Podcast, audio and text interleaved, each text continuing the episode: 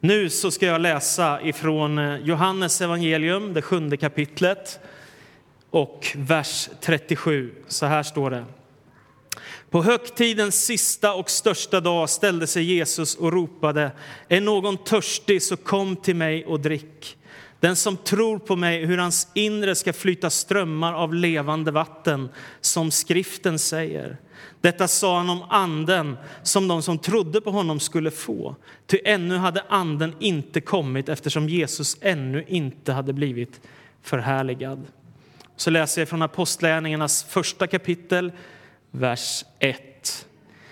Jag skriver evangelisten Lukas till Teofilos. I min första bok, ärade Teofilos, skrev jag om allt som Jesus gjorde och lärde fram till den dag då han tog, togs upp till himlen sedan han genom helig ande hade gett sina befallningar åt dem som han utvalt till apostlar. Han framträdde för dem efter att ha lidit döden och gav dem många bevis på att han levde då han under 40 dagar visade sig för dem och talade om Guds rike. Och under en måltid tillsammans med dem sa han åt dem att inte lämna Jerusalem utan vänta på det som Fadern hade utlovat. Det som ni har hört mig tala om, sa han. Johannes döpte med vatten, men ni ska bli döpta med helig ande om bara några dagar. De som hade samlats frågade honom, Herre, är nu tiden inne då du ska återupprätta Israel som kungarike? Jesus svarade, det är inte er sak att veta vilka tider och stunder Fadern i sin makt har fastställt. Men ni ska få kraft när den heliga Ande kommer över er och ni ska vittna om mig i Jerusalem och hela Judeen och Samarien och ända till jordens yttersta gräns. Och så hoppar vi till kapitel 2, vers 1. När pingstdagen kom var de alla församlade. Då hördes plötsligt från himlen ett dån som av en stormvind och det fyllde hela huset där de satt. De såg hur tungor som av eld fördelade sig och stannade på var och en av dem. Alla fylldes av helig ande och började tala andra tungomål med de ord som anden ingav dem. Och så hoppar vi till vers 14. Då steg Petrus fram med de elva andra och tog till orda och talade till dem. Judar, ja, alla ni som bor i Jerusalem, detta ska ni veta, lyssna till mina ord. Det är inte som ni tror att de här männen är berusade, det är ju bara morgon. Nej, detta är vad som har sagts genom profeten Joel. Det ska ske i de sista dagarna, säger Gud, att jag utgjuter min ande över alla människor. Era söner och döttrar ska profetera, era unga män ska se syner och era gamla män ska ha drömmar. Ja, över mina tjänare och tjänarinnor ska jag i de dagarna utgjuta min ande och de skall profetera. Det är en sen kväll i december 2015, för ett halvår sedan. Jag hade bestämt mig för att sätta mig i bilen för att köra till min mamma som bor nästan 35 mil härifrån. Jag hade sagt, satt av en vecka för att jag ska försöka skriva på en ny bok. Och jag ville ju få varje timma liksom sådär effektivt till godo. Så istället för att åka tidigt på morgonen dagen efter så klockan nio på kvällen så satte jag mig i bilen för att köra 35 mil. Det är ju ganska segt och det är inga vidare vägar ner till Småland där hon bor. Så det tar eh, drygt fyra timmar. När jag kört i en timme ungefär så stannar jag för att köpa kaffe. Tror att det var utanför, eh, ja, vad heter det? Eh, nu tappar jag namnet. Åsbro, Åsbro heter det. Och så köper jag kaffe där och så sätter jag mig i bilen och så kör jag vidare. Det är bara det att det här kaffet är riktigt beskt och riktigt, riktigt starkt. Men jag tänker, om jag ska hålla mig vaken i tre timmar till drygt och nu är klockan efter tio, då är det bäst att jag dricker upp det här kaffet. Så det gör jag. Och problemet är bara när jag har kört ungefär en halvtimme så inser jag nu är jag fruktansvärt törstig. Det här kaffet hjälpte mig inte någonting. Det blev ju bara värre. Och så inser jag jag har inget vatten, jag har ingen läsk, jag har ingen juice, ingenting i bilen. Och nu börjar klockan bli elva. Det betyder att alla affärer är stängda överallt i alla de här småsamhällena som jag passerar. Och jag inser att inte förrän jag är i Linköping, alltså två timmar framåt ungefär, så kommer jag kunna köpa dricka när jag kommer till en större stad igen. Och jag är enormt frustrerad. Tala om ilandsproblem. Ett fantastiskt ilandsproblem. Men vet, när man har druckit kaffe och blir riktigt torr i halsen och det är riktigt bäst och man bara vill dricka vatten och så kan man inte gå till kranen eller köpa en flaska vatten utan man måste vänta. Det är ju oerhört frustrerande. Så kör jag och sen så kommer jag äntligen fram till Linköping och det närmar sig midnatt. Och då köper jag vatten och så dricker jag mig otörstig och njuter i fulla drag. Vad har detta med texten att göra som jag läste nyss? Jo, jag tänker att vi människor är skapade med en djup törst. Vi människor längtar efter vårt ursprung. Vi törstar efter Gud. Vi längtar efter att få dricka i källan av levande vatten som Jesus Kristus talar om. Och den här texten utspelar sig när det är lövhyddohögtid i Israel. Och lövhyddohögtiden firade man varje år till minne av när man hade blivit befriade ut ur Egypten och vandrade i öken. Därför byggde man lövhus som man kunde bo i. Och sen så på, högsta, på den största dagen så hade man en tradition och det var att gå till Siloadammen för att ösa vatten ur källan och sen så läste man ifrån profeten Jesaja, det tolfte kapitlet och den tredje versen där det står att ni ska ösa vatten ur frälsningens källor. Det gjorde man. Och nu på denna dag i lövhyddohögtiden så ställer sig Jesus upp för andra gången och ropar. Är någon törstig så kom till mig och drick. Den som tror på mig, ur hans inre ska flyta strömmar av levande vatten, som skriften säger. Och detta sa han om anden. Det här tycker jag är fantastiskt, för Jesus undervisar om sig själv i Johannes evangeliet så tydligt om vem han är. Gång på gång kommer det tillbaka om hans gudomlighet, att han är ordet från Gud, att han är vägen till Gud, att han är livets bröd som har med meningen i livet att göra. Och nu talar Jesus som är livets bröd om livets vatten som en symbol för den helige Andes närvaro och kraft. Anden som en källa där vår törst kan bli släckt och där vi kan möta Gud. Jesus som är livets bröd som ger en källa av evigt liv och anden som är livets vatten som ger oss gudomlig kraft och närvaro. Jag tänker att människans allra djupaste kallelse det är att lära känna den levande guden som är vårt ursprung. Man kan lyckas med hur mycket som helst i livet. Man kan ha en välordnad familj, man kan ha ett hus, en bil, en sommarstuga, ha råd att flyga utomlands och ändå vara tom i sitt hjärta. Man kan vara rik och framgångsrik och ändå längta efter någonting annat. Jag är helt övertygad om det. Och jag tänker att det har att göra med att Gud har skapat oss till gemenskap med sig själv.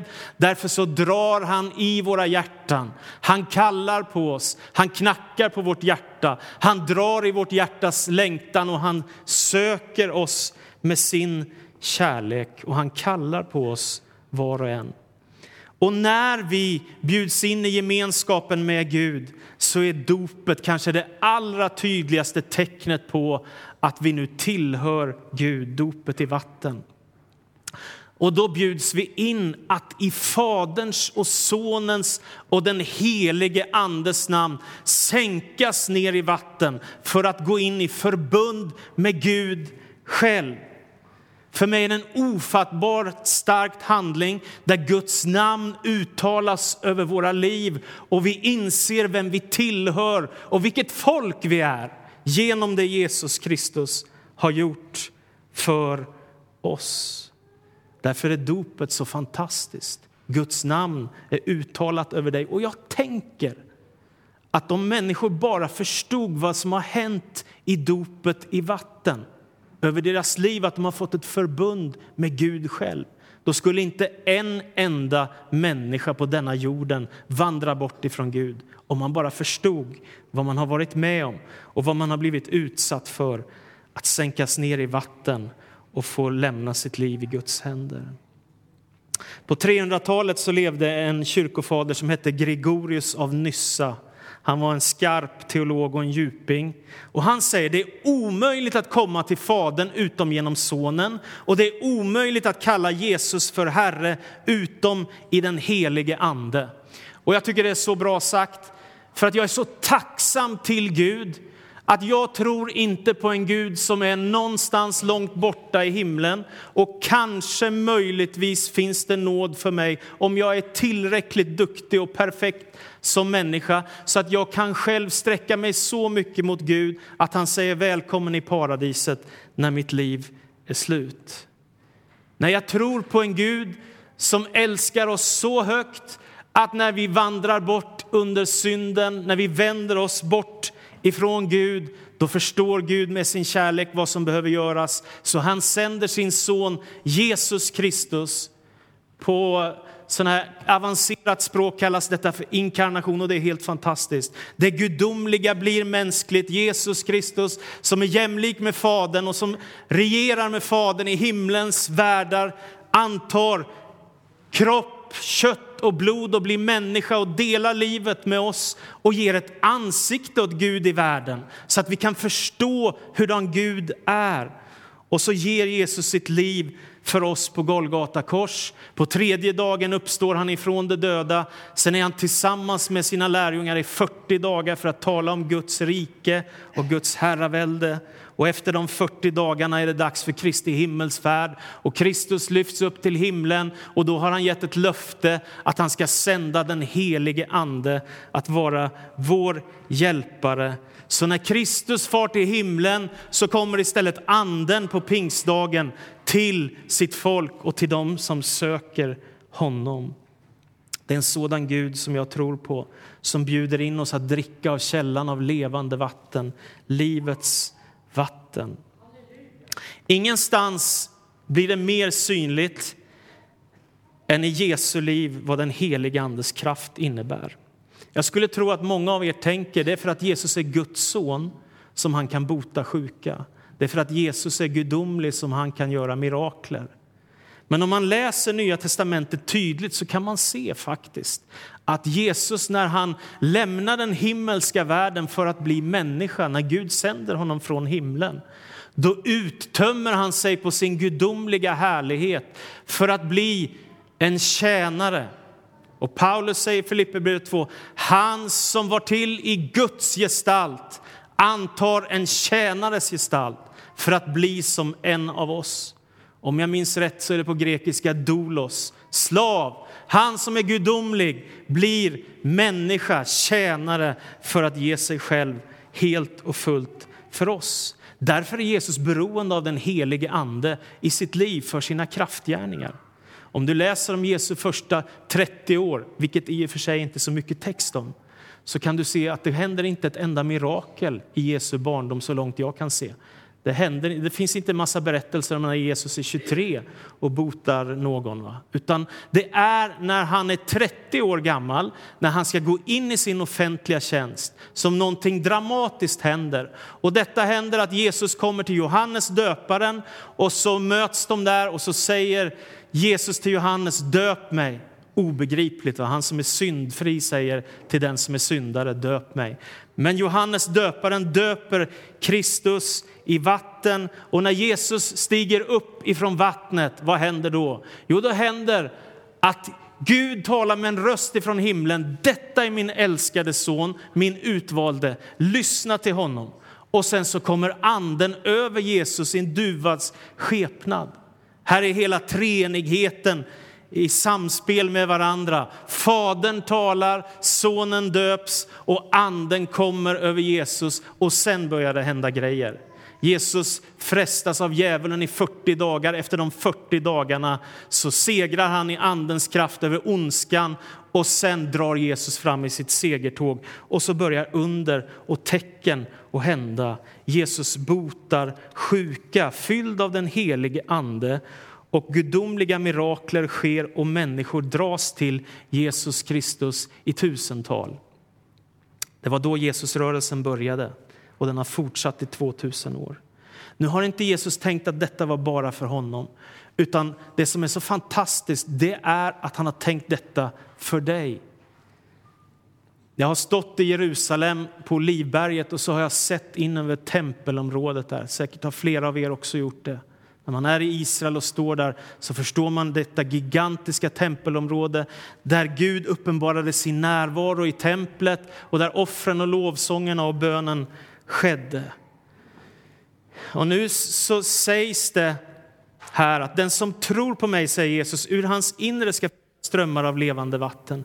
Det säga, anden ska ta sin boning i dig och mig.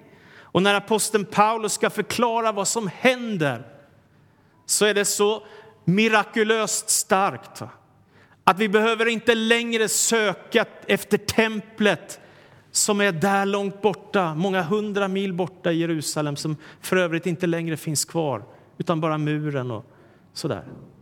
Istället är det du som är ett tempel för den helige Ande. Ibland tänker vi att det är byggnaderna, kyrkorna, som är heliga. Kanske finns något i det, men det är framför allt människorna som gör sig öppna för den helige Andes kraft. Därför om du bekänner Jesus Kristus som Herre, om du är döpt, så behöver du inte fundera på har den helige Ande tagit sin boning i mig? Nej, det finns inget annat sätt att bli frälst än att öppna sig för den helige Andes kraft och närvaro. Och så står det att Jesus säger att den som är född av vatten och ande, det är den som blir Guds barn. Och vad betyder det? Jo, det är den helige Ande som förmedlar frälsningen. Anden förmedlar Guds närvaro. Det är omöjligt att bli kristen utan att få del av helig ande i tron och dopet. Den som bekänner Jesus som Herre gör det i den helige Andes kraft. Jag har nu arbetat i församlingar i 22 år. Under de här åren har jag faktiskt sett många hundra människor bli döpta i vatten därför att de har fattat ett beslut att följa Jesus. Och jag älskar symboliken att man klär sig i vita kläder. Och när man sänks ner i vattnet så händer någonting. Gud har lovat att välsigna, att ge syndernas förlåtelse och anden som gåva. Det är något ofattbart som sker med oss. Det finns inte längre någon fördömelse, säger Paulus. Det vill säga allt det som har blivit fel i ditt liv. Det finns inte längre någon fördömelse. Du är fri. Du behöver inte längre fundera på om du är ett Guds barn därför att du tillhör honom. Han har köpt dig. Och det är inte den här tveksamma tron, en möjlig aning om att Gud existerar. Utan aposteln Johannes, Jesu lärjunge, skriver Detta skriver jag till er för att ni ska veta att ni har evigt liv. Det här har många av de stora evangelisterna i världshistorien skrivit sånger om. Tänk att han har frälst mig. Tänk att han har köpt mig. Tänk att jag tillhör Jesus Kristus. En av de finaste dopförrättningar jag varit med om det var en tjej som kom helt utifrån, hade ingen kristen bakgrund men började söka Gud och började längta efter Jesus och förstod att det vi predikar är inte en börda utan ett glädjebudskap, ett evangelium. Hon hade ganska mycket strul bakom sig i livet. Så därför när min pastorskollega döpte henne och hon kom upp ur dopgraven så var det yes! Jag tycker det är ett av de bästa exemplen på vad som händer i dopet. Det finns ingen fördömelse, vi är förlåtna, vi ärver himmelriket, vi är välsignade med himmelrikets välsignelse. Vi har fått anden som gåva. Vi är Guds barn, vi är Guds folk, vi har fått ett evigt hopp, vi är nya skapelser i Kristus, rättfärdiggjorda genom tron, födda på nytt av den helige Ande. Du är i förbund med Gud. Hur mycket mer behöver du än det? Du behöver inget mer än Jesus och hans namn. Där finns frälsning. Sen finns det också kraft att få, det tycker jag är fantastiskt. Jesus har gett oss ett löfte att han ska döpa oss i helig ande. Jag var ganska blyg när jag var tonåring. Men jag hade sån tur att jag mötte kristna som levde för Gud och som älskade Jesus och som började dela tron med mig på ett sätt som gjorde att jag kände här har jag hittat något som är större än allt annat jag varit med om i mitt liv. Och så bad de för mig att jag skulle få uppleva den helige Andes kraft. Det var lite dramatiskt. Och det märkliga var att jag fick tungotalets gåva som det står om här i Nya testamentet. Och för mig var det ett bevis på att Gud finns på riktigt. Det som hände här hände mig. Och så blev jag så välsignad och så tacksam och jag blev lite frimodig i min tro också. Jag hade lust att berätta för människor överallt om Jesus och jag tog min gitarr när jag var 20-årsåldern och jag gick ut på gatorna och sjöng Jesus, han är svaret för vår värld idag. Han har makt att göra under än idag. Jesus har gett ett löfte att han ska döpa oss i helig ande. Och det här har jag läst de sista året i min bibel om alla löften som Gud har gett. Och det har styrkt mig så att det har inte så mycket att göra med hur mycket jag kan tro eller hur smart, eller hur andlig eller hur kraftfull jag är. Det är inte det det handlar om, utan Jesus har lovat att han ska döpa i helig ande och eld. Och det betyder helt enkelt att du får del av Guds kraft, Guds helige andes kraft i ditt liv. Och det här är för alla. Löftet gäller, säger Petrus, för alla långt borta som Gud vill kalla för er och era barn, säger han. Och när vi, vi hörde profeten Joel-texten så står det att han ska utgjuta sin ande över alla, inte över några, över alla. Vi läste första Korinthierbrevets tolfte kapitel. Hos var och en framträder anden.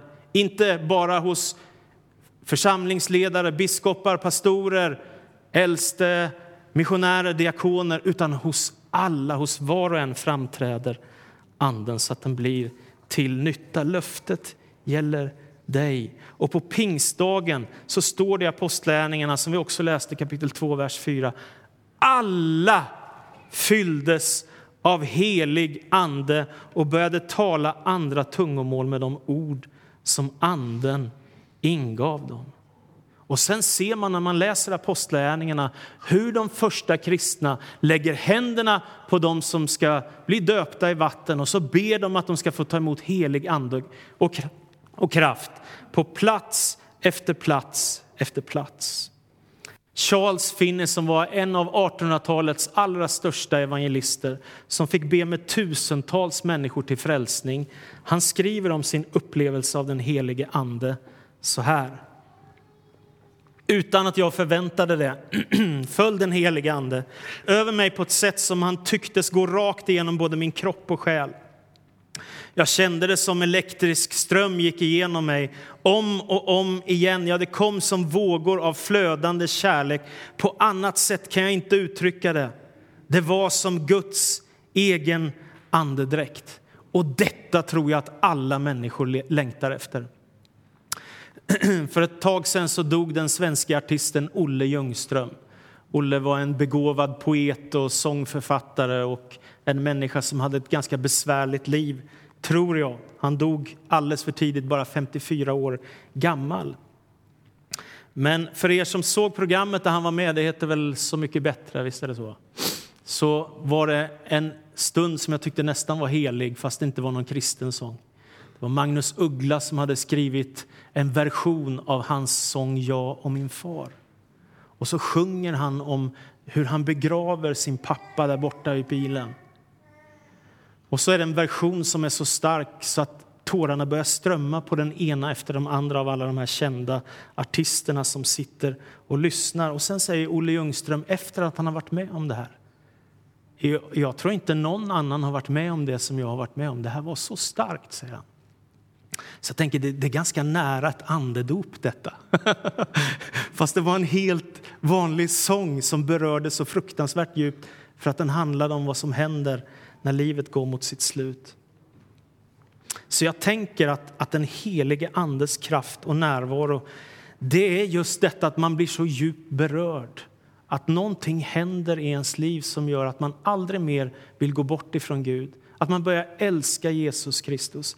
Att den här boken blir ovärderlig och att livet med Gud är det bästa som finns. Jag tänker på profeten Hosea som säger i det sjätte kapitlet så visst som gryningen ska han träda fram, han ska komma till oss som ett regn, ett vårregn som vattnar jorden. Jag älskar den bilden av andlighet, inte som en plikt och disciplin framför allt, utan som ett regn ifrån himmelen där man får ta emot av Guds härlighet och kraft och närvaro och frälsningsglädje och det nya livet med Jesus. I morse så vaknade jag med en tanke som jag inte hade tänkt när jag hade förberett min predikan.